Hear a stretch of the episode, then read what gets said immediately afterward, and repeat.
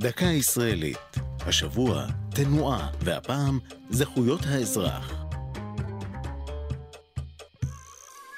לכל אדם זכות לחיים, לחירות ולקניין.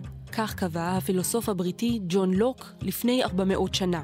מאז רודפים מרבית בני האדם אחר אותן זכויות. בישראל נוסדה האגודה לזכויות האזרח ב-1972. מקימיה הושפעו מהתנועה הבינלאומית לזכויות אדם, שהתחזקה אחרי מלחמת העולם השנייה, ומארגוני זכויות האזרח בארצות הברית, שקידמו את זכויות האפרו-אמריקנים. תחילה היו רוב חבריה יהודים, אקדמאים, בני המעמד הגבוה בציבור, אולם כיום מייצגת האגודה ערבים, דתיים, חברי קהילת הלהט"ב ועולים חדשים. בין הישגי התנועה, ביטול הצנזורה על הצגות תיאטרון, חיוב צה"ל לאפשר לנשים להתקבל לקורס טיס, איסור שימוש בעינויים בחקירות שב"כ, הכרה באימהות משותפת לשתי נשים, ועוד. האגודה נמנעת מהזדהות פוליטית, ועדיין, במהלך השנים נשמעת ביקורת על פעילויותיה משני צידי המפה הפוליטית. ראש הממשלה יצחק רבין כינה אותה פעם האגודה לזכויות החמאס, ונטען נגדה שהיא מקדמת רק את זכויות הערבים.